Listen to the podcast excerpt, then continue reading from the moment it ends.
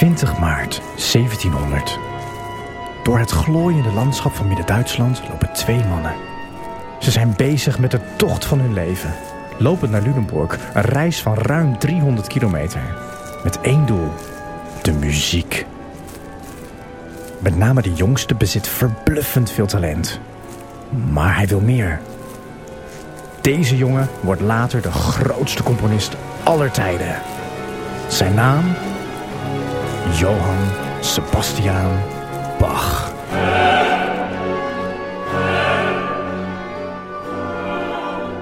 Maar gaan we nou weer een podcast over Bach maken? Ja, er is heel veel over hem gemaakt en gedaan. Maar er ontbreekt iets essentieels. Het menselijke verhaal. Bach voorbij de mythe. En daar gaan we in deze podcast wat aan doen. We gaan hem van zijn voetstuk halen, zodat we hem opnieuw op waarde kunnen schatten. En daarin ben jij onze gids. Ik ben Anthony Scheffer, muzikus, dirigent. Ik heb heel veel muziek van Bach uitgevoerd en ik ben daar nog lang niet op uitgekeken. En ik ben Allard Amelink en ik neem het allemaal op. Altijd weer die Bach is een podcast van EO en NPO Klassiek.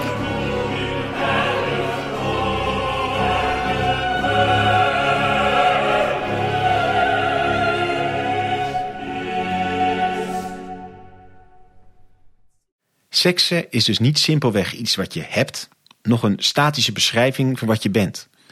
Het is daarentegen een van de normen waardoor je pas levensvatbaar wordt. Op deze manier drukt de Amerikaanse filosoof Judith Butler uit dat het binnen de samenleving moeilijk is om buiten de bestaande categorieën van man-vrouw te denken.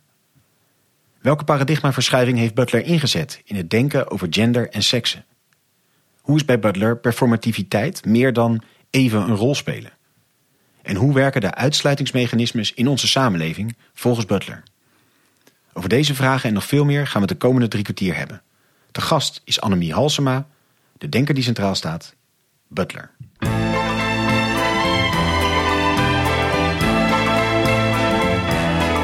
Vers les où le poids me le dos. Dag, goed dat je luistert naar een nieuwe aflevering van de podcast Filosofie van het Santre Erasme, School voor Filosofie. Mijn naam is Allard Amelink en het concept ken je wel. Een hoofdgast, een presentator en een sidekick. En in ongeveer 45 minuten duiken we in het denken van één filosoof. En tegenover mij zit Kees Wijstra. Dag Allard. De gast bij Jozef. In de kamer van Jozef. En uh, uh, we hebben een heel curieus uh, doosje chocola geopend van Jozef. Dat mocht. Bedankt. Dankjewel Jozef. Um, ja, dat was wel lekker. Ja, daar hebben we heerlijk een uh, chocolaatje van genomen. En ook uh, gegeven aan onze gast uh, Annemie Halsema. Socrates hoogleraar in Leiden. Dat is de bijzonder hoogleraar wijsgerige antropologie en grondslagen van het humanisme. En daarnaast is zij universitair hoofddocent aan de faculteit Wijsbegeerte van de Vrije Universiteit in Amsterdam. Hartelijk welkom Annemie. Dank je. En we gaan het hebben over Judith Butler. Geboren in 1956 in Cleveland, Ohio. Butler studeerde filosofie in Vermont, in Heidelberg, waar ze onder andere van Hans-Georg Gadamer uh, les kreeg. En aan Yale University, waar uh, hen ook promoveerde. Momenteel is Butler hoogleraar aan uh, de Department of Comparative Literature en de Program of Critical Theory aan de University of California in Berkeley. En Butler geniet vooral grote bekendheid door een denken over gender en identiteit, met speciale aandacht voor het belang van taal. En je hoort misschien al, Butler is uh, non-binair en wordt graag aangesproken met hen in plaats van hij of zij. En dat is iets wat hen uh, kort geleden relatief heeft uh, aangegeven. In 2020 uh, verscheen er in een artikel in uh, de Tagesspiegel... Uh, waarin het antwoord van Butler op de vraag naar voornaamwoorden werd vermeld. En daarin heeft Butler aangegeven dat ze als... ik maak me heel vaak vergissingen... als non-binair wil worden aangeduid. Dus met hen, inderdaad. Maar ik ken Butler al vrij lang. en ik zal dus ook heel regelmatig zij zeggen. Ja, wij zullen ook pogen het goed te doen. Vergeef ons als dat dus fout gaat. En zeker bij Annemie met haar lange geschiedenis. Uh, begrijpelijke verspreking heen. Um, gender speelt een hele belangrijke rol in het denken van Butler. En Butler is vooral op zoek naar een, ja, een verbreed genderbegrip.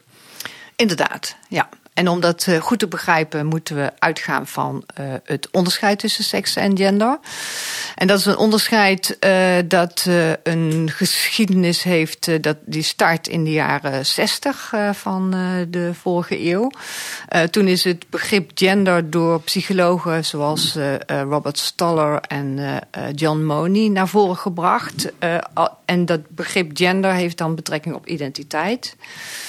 Eh, en wordt onderscheiden van seksen. Uh, en seksen heeft dan betrekking op het biologische lichaam en op het geslacht van het biologische lichaam. En, maar dat onderscheid is uh, later door feministen van de Tweede Golf overgenomen. en feministen zetten dat in om biologisch determinisme te voorkomen. Maar daarmee veranderde ook de, de betekenis van het begrip gender een beetje. Uh, voor feministen uh, stond gender eigenlijk voor gedrag en voor alles wat samenhangt met cultuur en de sociale orde, met eigenlijk de manieren waarop wij invulling geven aan uh, het geslachtelijke lichaam. Dus, en ze wilden, zoals ik zei, biologisch determinisme voorkomen. Dat houdt in dus dat taken niet automatisch gekoppeld worden aan de vermogens van een lichaam. Dus als je als vrouw een kind baart, wil dat niet zeggen dat je er ook per se voor moet zorgen. Precies, dat je de genderrol vrouw niet per se. Precies. Precies, precies. Dus, dus uh, voor feministen was dat onderscheid tussen seks en gender heel belangrijk. Uh, en uh, Butler in de jaren negentig bekritiseert dat onderscheid. En zegt van, is het niet zo dat we eigenlijk vanuit een gegenderd, gegenderde wereld en een gegenderd kader ook naar seksen kijken? Omdat we, als er hier iemand de deur binnenkomt lopen, direct een categorie als man of vrouw, en tegenwoordig ook als non-binair, op zo'n persoon plakken. Dus gender is voor Butler veel breder dan alleen maar um, uh, die sociale of die gedragscomponent. Het, is, het heeft ook betrekking op de manier waarop we betekenis geven aan lichamen.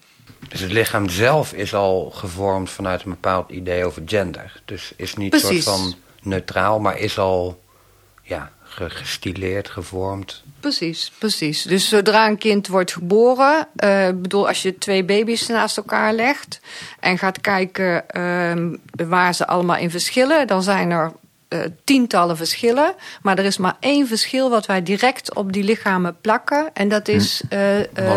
man-vrouw. Is er een, heeft het een wormvormig aanhangsel of niet? ja. ja. En dat, dat is precies wat zij bedoelt met dat gegenderd naar een lichaam kijken. Zo dat je een, een, een baby ziet en dan meteen vanwege die, dat wormvormige aanhangsel concludeert is een man. Ja, dat is het proces wat, ze, wat Butler boying en girling noemt. Dus die betekenissen plakken op die lichamen. Maar um, het uh, genderbegrip wat Butler introduceert is nog breder dan dat. Dan zal ik nog één vraag daarvoor terugstellen. Want ja. Eh, het voorbeeld dat je geeft dat iemand komt hier binnen, uh, dan kijken we weet ik van naar uh, kleding en naar um, haar. haar, weet ik veel, zulke elementen. En dan kun je nog zeggen dat is allemaal uh, gender, identiteit en makkelijk aanpasbaar. Bij de jonge meisjes zie ik vormen. Hoe kijkt dan wel naar die geslachtelijke, geslachtelijke kenmerken? Zijn dat een soort, is dat een soort neutraal gegeven waar je dus zelf invulling aan kan geven? Of hebben die wel een intrinsieke betekenis ook? Of worden die alleen vanuit die genderkader bekeken? En wat, wat bedoel je dan met intrinsiek? Bedoel, nou, dat want, je toch want, zegt dat, dat het toch iets bepaalt dat iemand een wormvormige aanhang heeft of niet? Of is dat iets van, ja, ach, dat is er nu, ja, zoals de ene Ja. langer is dan de ander? Zeg maar. Ja, precies. Gewoon totaal neutraal. Ja, voor, voor Butler zijn het eh, toch, eh, met name in, haar, in eh, Butlers vroege werk Gender Trouble en eh, Bodies That Matter, spreekt ze over gender als een soort ehm, ideaal en als een soort ehm, ja, normatief cultuurproduct wat we koppelen aan lichamen. En, en ehm, ontkent ze in feite eh, de gedachte dat er een soort interne genderidentiteit zou zijn. Dus aanvankelijk is eh, Butlers werk ook bekritiseerd eh, door mensen die zich als trans of als non-binair identificeren. En ehm Butler heeft wel dat beeld bijgesteld later in een interview en gezegd dat ze in feite ehm, iedereen de mogelijkheid wil geven om de gender die zij eh, zelf ervaren eh, te leven. Want, want Dus- trans mensen die, die eh, bekritiseerden dat omdat zij eigenlijk juist een bepaalde gender willen zijn. Want waarom bekritiseerden Omdat, omdat het? Butler het idee van een soort interne genderidentiteit bekritiseerde. Ja. Dus eh, gender is niet iets interns, maar is iets eh, van een, eh, is een herhaling van de, de mogelijkheden die er zijn binnen sociaal-culturele orde om een gender te krijgen. ja. Butler heeft een heel mooie vergelijking. Uh, misschien helpt het om uh, die even naar voren Ja. te brengen. Uh, want het begrip wat zij gebruikt om gender te duiden is performativiteit. En um, performativiteit is vaak opgevat als een soort performance, hè, in termen van een soort toneelvoorstelling, als een soort van rol die je speelt. Mm -hmm.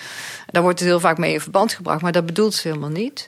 Butler zegt zelf dat uh, dat idee van performativiteit voortkomt uit, of dat ze geïnspireerd werd uh, door een tekst van Derrida over, een, over een opstel van Kafka. Dat, dat opstel heet Voor de Wet. En dat beschrijft een man die toegang wil tot de wet en die door een wachter wordt tegengehouden. En wat er eigenlijk gebeurt is dus dat die man de autoriteit geeft aan die wet door voortdurend toestemming te vragen uh, om uh, toegang te krijgen tot die wet. En Butler dacht uh, toen ze dat las. Zou het met gender niet vergelijkbaar zijn? Zou het niet ook zo zijn dat, gender, dat we gender zelf nooit bereiken? Dus dat de, wat man zijn of vrouw zijn is, dat we dat niet bereiken. Maar dat we voortdurend een soort autoriteit geven aan uh, dat ideaal van, van gender dat er maatschappelijk is. Dus de, dat is eigenlijk de inspiratie voor dat begrip van performativiteit. En verder heeft het ook nog een tweede uh, connotatie, want het is een begrip wat komt van uh, John Austin, taalfilosoof uh, uit, die in 1960 een boek schreef, How to Do Things with Words. Een prachtige ah, titel is dat. En uh, John Austin maakt heel globaal gezien een onderscheid tussen twee soorten van uh, taaluitingen: uh, constatieve en performatieve. En constatieve beschrijven de werkelijkheid. Bijvoorbeeld als ik zeg: dit is een tafel of dit is een microfoon. En performatieve oefenen een effect uit. Bijvoorbeeld het klassieke voorbeeld is: ik open deze vergadering of Austin geeft ook het voorbeeld van de, uh, het, het jaarwoord in een huwelijk. Ah, ja. ja. Dus door dus, het uit te spreken besta bestaat het of gaat het bestaan? Is dat het? Nee, uh, het zijn uitspraken die handelingen betekenen. Dus die niet een beschrijving ah, ja, geven van de werkelijkheid, maar die een handeling impliceren. Ja. En bijvoorbeeld in het geval van, van het huwelijk heeft het effect ook op de personen die dat huwelijk sluiten. Het heeft gevolgen voor je, voor de vervolghandelingen. Dus performativiteit heeft, heeft dat aspect van voor de wet, hè, van dat ja. verhaal van Kafka voor de wet. En dat idee dan van het steeds opnieuw instellen van dat ideaal van gender. En ook um, het idee dat je door uitspraken, zoals ik ben een vrouw, uh, een effect uitoefent op de werkelijkheid. Ja. Dus dat zijn eigenlijk de twee aspecten ervan. Dus je bevestigt eigenlijk dat vrouw zijn, dus die bepaalde genderrol in, in de taal, in de woorden die je gebruikt. En dat ja. is performatief. Dat is performatief, ja. ja. Ja, en wat ik daar heel interessant aan vind, is dat performativiteit um, is dus een talige uiting, maar het heeft ook heel sterk normatieve kant. Want door uh, bepaalde beelden of representaties van gender te herhalen, um, uh, stel je ze ook in als um, uh, normatief. Bijvoorbeeld, mijn moeder. Uh, leeft haar vrouw zijn op een heel andere manier dan ik dat doe. En uh, Butler kan dat heel goed verklaren doordat, uh, uh, door, dat, door dat begrip van performativiteit. Omdat performativiteit betekent dus een herhaling van bepaalde uh, beelden en patronen... die door de tijd heen verschillend kan zijn. Ja, dus Duidelijk? Zij, ja, dus, dus, dus hoe zij spreekt over vrouw zijn en hoe ze ook over zichzelf spreekt als vrouw, bepaalt, bevestigt haar ook in haar positie als vrouw en bevestigt haar beeld van wat dat inhoudt. Ja, je geeft eigenlijk steeds weer opnieuw vorm aan wat vrouw zijn inhoudt. En, Ah, ja. Of wat man zijn inhoudt in, in um, iedere periode in de geschiedenis. En in, Omdat je woorden gebruikt uit een soort van dominante taal die gebruikt wordt om dat vrouw zijn te beschrijven of zo. Ja, maar je gebruikt ook de normatieve eh, omschrijvingen van wat het inhoudt om vrouw of man te zijn in een bepaalde tijd. Dus het gaat niet alleen maar om, om die beschrijving, het gaat ook om eh, eh, een soort representaties die steeds weer herhaald worden. Dat het ook goed is om een man te zijn, omdat je dan. Is, is, dat, is dat dan dat normatieve? Of? Nee, het normatieve is, zit er meer in eh, dat je eigenlijk maar uit bepaalde dingen kunt kiezen, denk ik. Dus dat je dat eh, het normatieve zit erin dat eh, bijvoorbeeld er zijn heel sterke normen omtrent wat goed moederschap is of wat. eh, ehm, en die, die herhaal je. En die verschuiven wel in de loop van de tijd. En er is altijd wel wat variatie mogelijk. Maar het is veel reproductie van bestaande verhalen Precies. en woorden daarover. Ja. En met dat je ze uitspreekt, worden ze ook over jouw werkelijkheid eigenlijk. Ja, precies, Ja. precies. En, dat, en dat is iets wat je zelf doet. Ehm, nou ja, het is eh, een verhouding van een individu met die bestaande eh, representaties of patronen of eh, normatieve praktijken, zegt Butler. Misschien Ja. is dat het beste woord. Eh, rondom gender. Dus die zijn Dus er, maar is- jij stapt er wel in, zeg maar. Precies, precies, precies. Ja. Dus je kunt niet zomaar ehm, uit het niets vormgeven aan eh, je vrouw, vrouwelijkheid of mannelijkheid of non-binariteit. Maar je bent gebonden aan die eh, bestaande normatieve praktijken. En dat is eigenlijk, dat is, dat is precies ook het verschil met eh, eh, hoe eh, performativiteit aanvankelijk werd opgevat. Want eh, het is geen vrije performance, eh, maar ik het kies is. ervoor om hem op deze manier Ja, even precies. uiting aan te geven. Precies. Dus en ik doe morgen dat. weer een ander genderjasje aan. Dat is het niet. Het, het- het is, je, je bent echt gebonden aan eh, die, die, eh, eh, die bestaande manieren van ehm, eh, man, vrouw, ehm et cetera zijn. Ja. Ja, en zij voegt dat dus inderdaad als een belangrijk aspect toe. En we hadden het eerder over dat, dat verbrede genderbegrip. Dat ging over gender en seksen die eigenlijk bij elkaar dacht. En Ja. daar moet nog een derde component eigenlijk bij. Precies. Om haar unieke bijdrage in dat genderdebat Ja, precies. te... Precies. Ja. ja. Dus, en die derde component is eh, eh, het verlangen, eh, seksualiteit. Dus, eh, eh, en daar, ehm, eh, daarom was eh, Gender Trouble ook eh, zo'n eh, hit.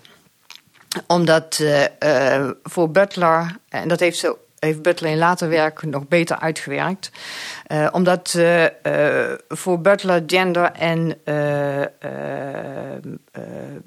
verlangen dus in die zin met elkaar samenhangen dat wij leven binnen een, wat ze noemt een, een heteroseksuele matrix. En dat houdt in dat man worden betekent dat je verlangt naar een vrouw. En dat vrouw worden inhoudt dat je verlangt naar een man. Dus het is niet zo dat gender en seksualiteit, heel, seksuele oriëntatie, een heel verschillende, verschillende aspecten zijn van onze identiteit, maar die grijpen op elkaar in. Onze veronderstellingen omtrent wat het inhoudt om een echte man te zijn, ehm, houden in dat je een heteroseksuele man bent. En homoseksualiteit is daarvan uitgesloten. Dus, ehm, en dat is natuurlijk wanneer je een homoseksuele identiteit hebt heel ingewikkeld. Want dan ga je, kun je dus ook gaan twijfelen aan je geslachtelijke identiteit. En je afvragen of je wel eh, een eh, echte man bent. Ja.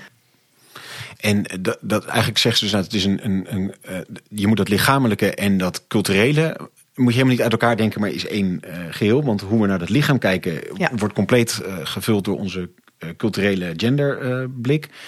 En zegt dus dat seksuele verlangen kun je daar ook niet los van zien. Ook dat zit er eigenlijk allemaal in één grote soep, zeg maar, of ja, Zeker. veel, bij, bij elkaar.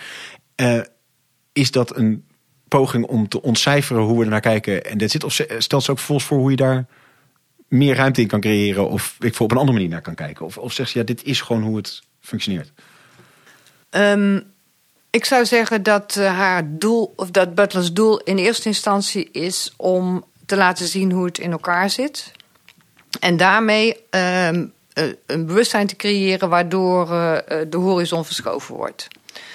Dus ehm, ehm, het probleem is dus eigenlijk die, die koppeling van binaire opposities aan elkaar. Dus als, als man zijn impliceert dat je naar een vrouw verlangt, dan mag je dus ook niet op een zogenaamd vrouwelijke manier lopen. Of je bewegen. Of, maar je kunt ook veel meer vormen van mannelijkheid onderscheiden. Dat zou zij dat- voorstellen. Dat, Ja. zou, dat zou Butler voorstellen. Ja. Dus eh, eh, een grote variëteit aan vormen van, eh, van mannelijkheid, vrouwelijkheid, maar ook van seksualiteit, seksuele oriëntatie, kan allerlei invullingen hebben. En dat niet in die twee. Ja, en het interessante is eigenlijk dat als je... eh, je kunt op allerlei manieren toch nog die bi eh, binariteiten inbrengen.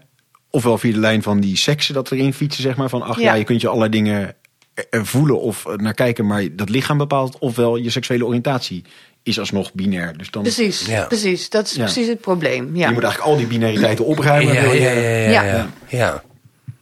En je zei eh, eh, al even van de, de, de, hit was het, het boek. Hoe, hoe was de receptie op dit werk? Eh, eh, stonden mensen op hun achterste benen of eh, werd het met gejuich onthaald? Wat was de impact van haar denken? Ehm, Want zij is eigenlijk wel echt dus de grondlegger van dit hele denken... wat nou, tot van vandaag natuurlijk steeds meer aandacht krijgt. Ja, Butler wordt wel de Queen of Queer genoemd. Ah, ja. Eh, en ehm, Butler zelf vond dat in die tijd een beetje een vreemde benaming. eh, omdat, ehm, ehm, nou, Queen is natuurlijk eh, Precies, eh, ja. nu eh, lastig, eh, eh, omdat Butler zich als non-binair identificeert. Maar ook eh, queer en queer studies was eh, eh, iets wat opkwam eh, eh, in de jaren negentig. Eh, ehm, en Butler's teksten worden als, eh, soort als, als eh, eh, fundamentele teksten gezien voor die queer studies. Maar in die tijd ehm, eh, bestond dat nog nauwelijks. Dus eh, vandaar dat Butler daar eh, een, ja, een beetje aanvankelijk een vreemde verhouding toe eh, ehm, eh, had. Maar later heeft ze dat wel geaccepteerd. Ja. En, en welke impact had het boek breder, los van de titel Ja. die, die Butler nou dus kreeg? Ehm, nou, het- had dus eh, in die eh, kringen van queer studies werd het, werd het heel eh, positief ontvangen.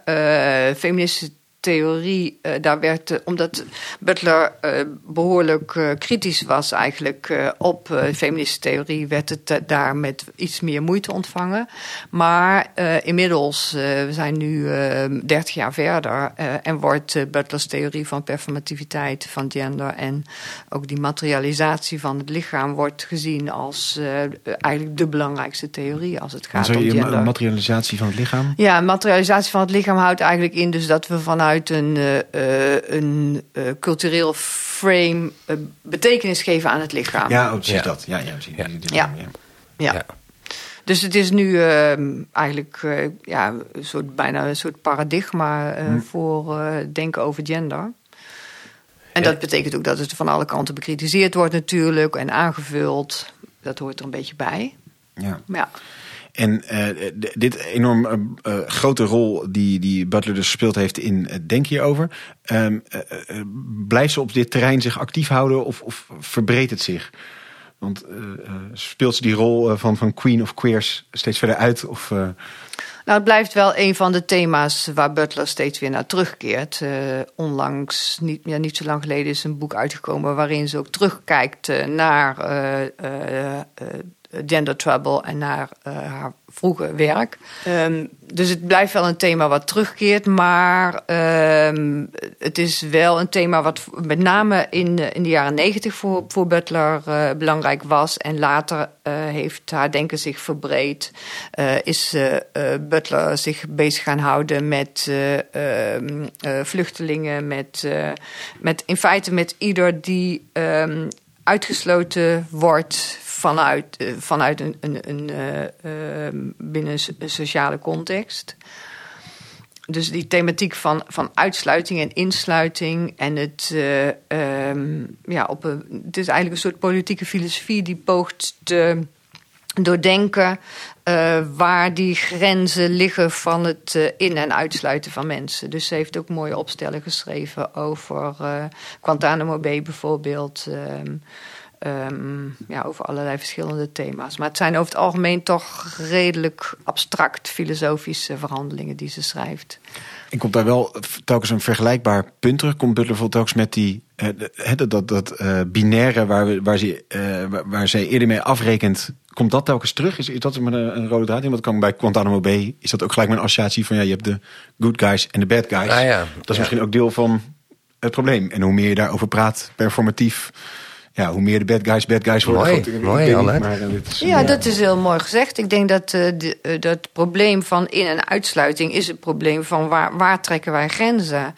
Eh, en eh, ehm, eh, ja, die bi- binariteiten, homo, hetero, eh, man, vrouw eh, en non-binair, dat zijn, zijn ook allemaal binariteiten die, die eh, ter discussie gesteld worden. Dus ja, en ik denk dat in- en uitsluiting dat dat en de, de, de mechanismen die we hanteren eh, om eh, eh, mensen in en uit te sluiten, dat dat een heel mooie noemer is eigenlijk om dat werk van Butler te vatten. Ja. En als je, want dus kijk, zij lossen hiermee een, een, een bepaald probleem op hè, van mensen die niet in die binariteit vallen. Maar volgens mij is een van de grote kritiekpunten op haar, onder andere haar werk, is dat, dat mensen zeggen: ja, maar zij opent ook heel veel problemen, zeg maar, non-binariteiten die mensen helemaal niet zo ervaren. Dus zij creëert ook een beetje het probleem.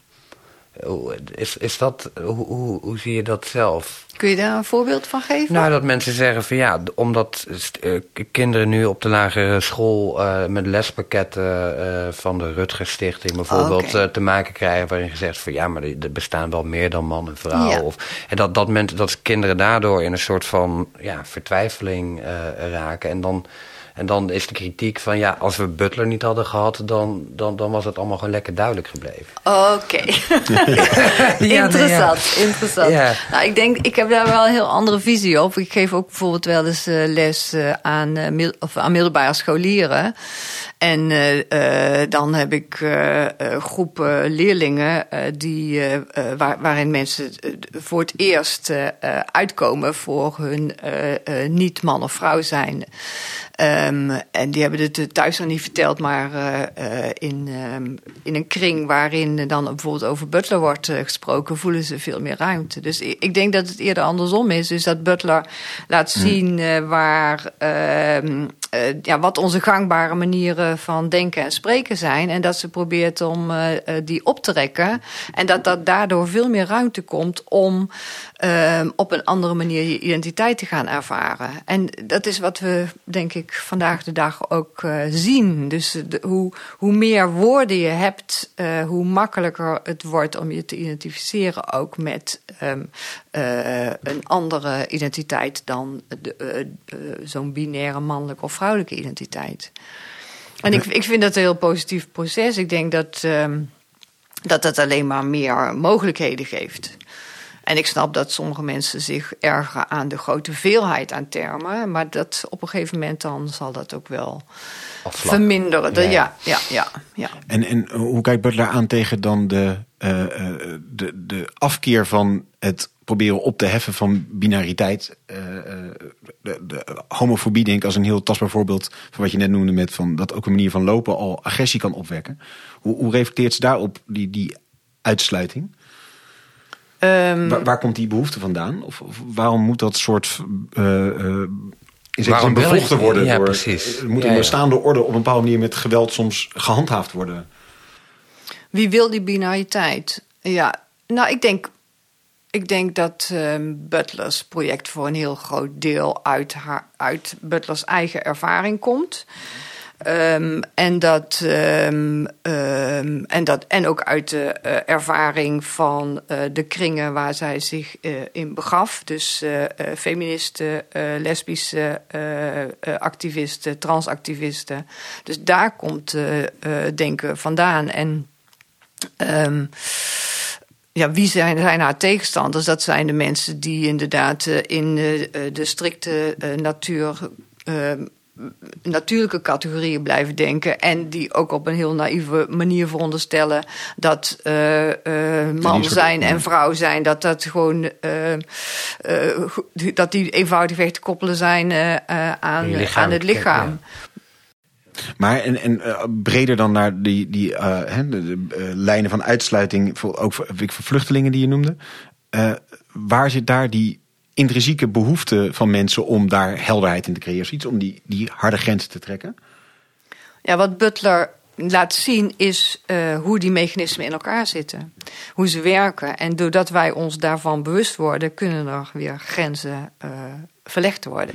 Ja, ja dus kom En dat tot- is de taak van, van een politiek filosoof volgens mij ook. Ja, om die mechanismes bloot te leggen. En ja, dan niet zozeer misschien nog weer de psychologie achter het ding, maar Nee, dat mogen andere mensen dan weer gaan eh, invullen. ja, ja. Dat hele, ehm, eh, de- de- deze ding over in een uitsluiting eh, hadden van tevoren over een beetje de middenperiode van Butler. En dan heeft Butler ook nog de ethiek die ze op een gegeven moment ontvouwt. Ja, Butler heeft een heel interessant boek geschreven. Dat heet Giving an Account of Oneself. En daarin probeert ze een eh, ehm, ethiek eh, te ontwikkelen op basis van een poststructuralistisch eh, subjectopvatting. Nou moet ik even uitleggen wat een poststructuralistische subjectopvatting is. Ehm, een poststructuralistisch subject is eigenlijk eh, een subject dat gevormd wordt in zo'n sociaal-culturele orde als waar we het eerder over gehad hebben. Dus eh, de gedachte is dus niet dat wij een soort oorspronkelijke subjecten zijn of individuen die van ehm, nul af aan onze eigen identiteit kunnen vormgeven, maar eh, wij. ehm, er zijn bepaalde subjectposities eh, in, eh, ehm, in de samenleving en daar verhouden wij ons toe. Dus dat is een poststructuralistisch subject. En Butler zegt eh, dan van hoe, hoe kun je nog verantwoordelijkheid denken vanuit zo'n subjectpositie? Ja, als je helemaal gevormd bent door je omgeving, Precies. Precies. ja, wat, wat is mij dan nog te verwijten? Precies, en ja, precies. En eh, wat, wat interessant is aan het boek is dat ze zich richt tegen wat zij ethisch geweld noemt. En ethisch geweld is eh, de gedachte dat we mensen verantwoordelijk kunnen stellen als soort singuliere individuen voor eh, zaken. Hè, van jij hebt dat gedaan. En wat zij laat zien is dus dat ethiek eigenlijk gegrond is in eh, onze Common Constitution. Dus in dat wat wij gezamenlijk hebben. Eh, en dat baseert ze op verschillende denkers, bijvoorbeeld eh, op Levinas, maar ook op de psychoanalyse. Ehm, dus ze gaat eigenlijk en komt dus met een alternatief begrip van verantwoordelijkheid, wat eh, inhoudt dat we wel voor een deel nog verantwoordelijk te houden zijn, maar ook altijd doordat we eh, in die gezamenlijke taal en sociale orde zijn gevormd, ehm, ook altijd eh, ontslagen zijn van verantwoordelijkheid. En dat je dan misschien ook bij een. En dat je dan misschien bij een schuldvraag ook moet kijken naar de bredere structuren waarin iemand zit. En, en dat daar misschien ook weeffouten in kunnen zitten. Die. Ja, maar zover werkt ze het niet uit. Het, is, het, het Nee. is, eh, het gaat eh, met name over dat andere verantwoordelijkheidsbegrip... wat we eh, kunnen baseren dan op een andere opvatting van het subject. Ja. Ja, En Ja. dat komt tegenover naar zo'n, dus eigenlijk een beetje ten opzichte van een totaal verantwoordelijk, verantwoordelijkheidsloosheid van het ligt allemaal aan het ding, eh, het ligt allemaal aan de context, ofwel het ligt aan een individu die in zich zelf helemaal handelbekwaam is en daar helemaal los van staat van zijn context, dus Ja. één op één aangesproken worden. ja, ja, ja, ja. ja. En hoe betrekt ze dat bijvoorbeeld op dat in een uitsluitingsvraagstuk? Mm, Dat betrekt ze niet heel direct op elkaar. Ja, dat, zou- daar zou je zelf inderdaad eh, eh, als eh, Butler scholar... zou je daar een mooi artikel over kunnen schrijven... over de, de relatie tussen die ethiek... en ehm, wat dat voor, betekent voor politiek handelen. Ja, ja, ja. maar dat heeft, daar heeft ja. Ja, maar dat heeft de- Ja, het zijn afzonderlijke boeken waarin ze afzonderlijke thesen naar voren brengt. En ze betrekt dat niet allemaal. Sommige dingen betrekt ze later weer wel op elkaar. Als ze daar veel vragen over krijgt, dan krijg je daar weer een mooi opstel over later. Maar ehm, eh, in dit geval heeft ze daar nog eh, geen eh, uitspraken over gedaan. Ja, al deze dingen zijn, zijn zo recent allemaal. Dat boek waar we het net over hadden is van 2005 bijvoorbeeld. dat we nog moeten beginnen met de consequenties daarvan doordenken. En eh, de verbanden te leggen tussen eh, verschillende eh, onderdelen van Butlers werk bijvoorbeeld. Dus dat gaat nog jaren kosten. Je, je vertelt net hoe, hoe de impact van Butler was op het gebied van gender, is op het gebied van, van de hele eh, genderwetenschappen. Ehm, eh, heeft ze in die zin school gemaakt? Zijn er allerlei volgelingen van Butler? En zijn er ook allerlei tegenstanders eh, binnen al die eh, eh, wetenschapsdisciplines gekomen? Of is zij wel net zo de norm nou, dat daar eigenlijk geen discussie over is? Mooi, Ehm, mooi paradox. Nou ja, dat zou interessant zijn. Ja, Ja. Nou ja, het, is wel ehm, de theorie over gender die nu breed gedeeld wordt binnen genderstudies. Ehm, maar eh, wanneer je een soort centrale theorie formuleert, houdt dat ook altijd in dat er mensen zijn die dat bekritiseren eh, en proberen aan te vullen. Dus eh, ehm, ik denk wel eh, dat eh, bijvoorbeeld, ik, eh, ik, ik gebruik zelf een boek dat heet Gender Theory voor mijn, voor mijn onderwijs. En daarin wordt Butler als, gewoon als een soort paradigmatisch ehm, ehm, eh, denker op het terrein van gender voorgesteld. Eh, maar eh, er blijven natuurlijk altijd theoretici die, die, die verder erover nadenken en die, gaan die Butler bekritiseren. En bijvoorbeeld ook dat begrip van performativiteit ehm, proberen aan te vullen. Dus ehm, bijvoorbeeld uit de hoek van de fenomenologie. Eh, begrip van eh, gewoonte. En ook in de biologie eh, ehm, zijn er interessante denkers die ehm, eh, het Butleriaanse denken als een soort van frame hanteren, maar dan toch proberen om te laten zien ehm, eh, hoe de biologische ontwikkeling van een kind bijvoorbeeld en de psychologische ontwikkeling van genderidentiteit daarin past. Hm. Ja. Die dus vanuit andere wetenschapsdisciplines eigenlijk dat kader van Butler gebruiken en, Ja. en daarop op doorgaan. En eh, wat is hun rol nu in het publieke debat eh, van Butler? Hoe acteert eh, en in, in het geheel? Ik denk dat Butler een van de belangrijkste politieke filosofen van deze tijd is. Eh, eh, ehm, vanwege de, ja, de breedte eh, van eh, Butlers oeuvre. Dus eh, de verschillende thema's die, die Butler aan de orde stelt. Dus we hebben het nu met name gehad natuurlijk over die gendertheorie en over gender studies. Maar ehm, ehm, ja, Butler wordt eh, eh, ook op andere eh, thema's gevraagd en ehm, ehm, is nog heel actief, publiceert nog heel erg veel. Dus ehm, ja, Ja. een belangrijke po- politieke filosoof. En een denker die een paradigma shift heeft ingezet. Omdat het dus, nou het goed, nu in, in, heel veel handboeken gewoon het de soort basismateriaal is om vanaf verder te werken. Ehm, we begonnen met het onderscheid tussen gender en seksen als poging om uit te leggen wat dat eh, nieuwe ehm, genderbegrip is wat, eh, wat Judith Butler introduceert. En gender-seksen onderscheid wordt ergens in de jaren 60 eh, eh, steeds verder uitgewerkt om gender, de identiteitskant, en seksen, de biologische kant, uit elkaar te halen. Wat in de tweede feministische golf ook eh, populair wordt opgepakt om ja, biologisch determinisme tegen te gaan. Dus te voorkomen dat inderdaad, omdat je biologisch gezien een kind krijgt, ook de aangewezen persoon bent om eh, dat kind dan vervolgens te verzorgen. Kortom, het hielp daar om het uit elkaar te trekken. Maar Judith Butler heeft daar kritiek op in de jaren 90 en die zegt, nou, we moeten niet vergeten dat we vanuit een gegenderde wereld kijken naar ook seksen. Dus ehm, we plakken een kader of etiketten op iemand als we iemand zien. En een heel sterk moment daarin is natuurlijk bij de geboorte. Twee kinderen verschillen op een hele hoop terreinen van elkaar als je ze net eh, in geboorte ziet. Maar op één ding, het wormvormige aanhangsel, daar eh, gaat al onze aandacht naar uit. En de kaders die we daarin meegeven, de nadruk die daarop ligt, dat kun je dus niet als een soort los gegeven zien. Dat is iets wat eh, dus ook vanuit de gegenderde blik benaderd wordt. Dus dat lichaam is niet een neutraal gegeven, maar een, ja, moet je in één totaal zien. Ehm, daar komt later ook het verlangen bij, maar eerder hadden we het toen nog over eh, performativiteit. Ehm, performativiteit kun je luchtig interpreteren als iets van eh, ja, een rol spelen. En vandaag doe ik een beetje dit en morgen meer een beetje dat. Nee, bij Butler wordt dat iets veel fundamentelers. Eh, een beetje twee kanten. Derrida's lezing van Kafka. En tegelijkertijd het boek How to Do Things with Words. Dus het gaat echt over enerzijds het eh, neerzetten van een ideaal, wat ten aanzien van gender wordt neergezet. Van het normatief herhalen van hoe dingen moeten zijn en hoe dingen er behoren te zijn in een cultuur. En anderzijds eh, dus het, de performatieve kant naar jezelf toe. Dat je jezelf ook eh, met woorden in die wereld plaatst. Ik ben een vrouw en dus doe ik dit en zo behoor ik te zijn. Kortom, je wordt in bestaande patronen gezet, normatieve praktijken waar je je toe moet verhouden. Je kunt je daar niet los toe verhouden, je bent aan die patronen verbonden. Je ziet dus dat dat performatieve iets uh, onlosmakelijks uh, en heel belangrijks is, is om je te verhouden tot je omgeving.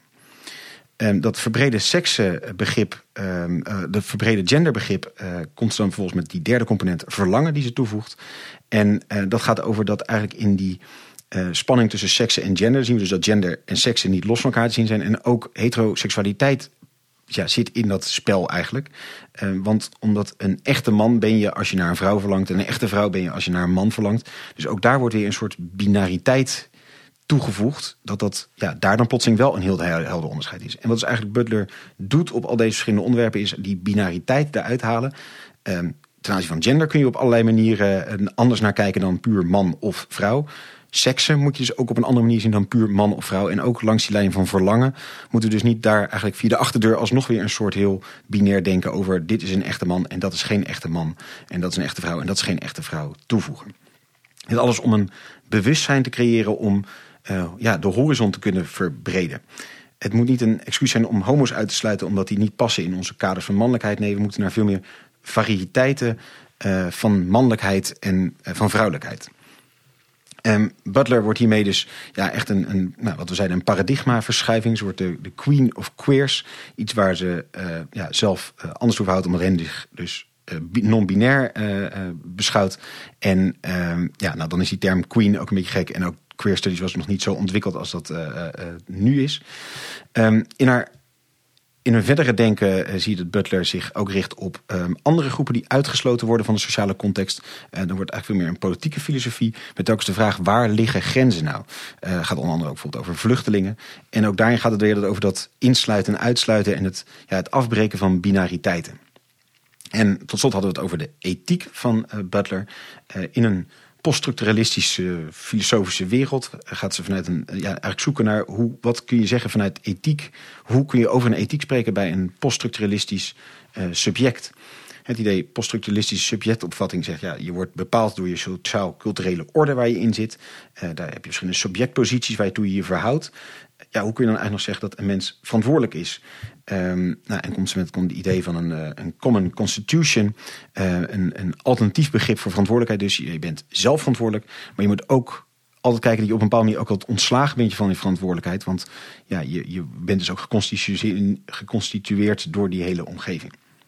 We hebben volgens nog gekeken naar de, de hedendaagse discussies over uh, gender. Waarin, zij, uh, waarin Butler dus wel echt de, ja, het groundwork heeft gelegd. En eigenlijk een, een compleet ja, nieuw paradigma heeft neergelegd. Uh, daarmee dus een enorm actuele en dus ja, invloedrijke denker. Die we hopelijk op deze manier een goede plek ook in onze kanon hebben gegeven. Heel hartelijk dank Annemie. En dankjewel Kees. En jij natuurlijk heel hartelijk dank voor het luisteren. Dat doen jullie ook in grote getalen en daar zijn we zeer blij mee. Deel deze aflevering ook vooral met wie je moet luisteren. En heel graag weer tot een volgende keer.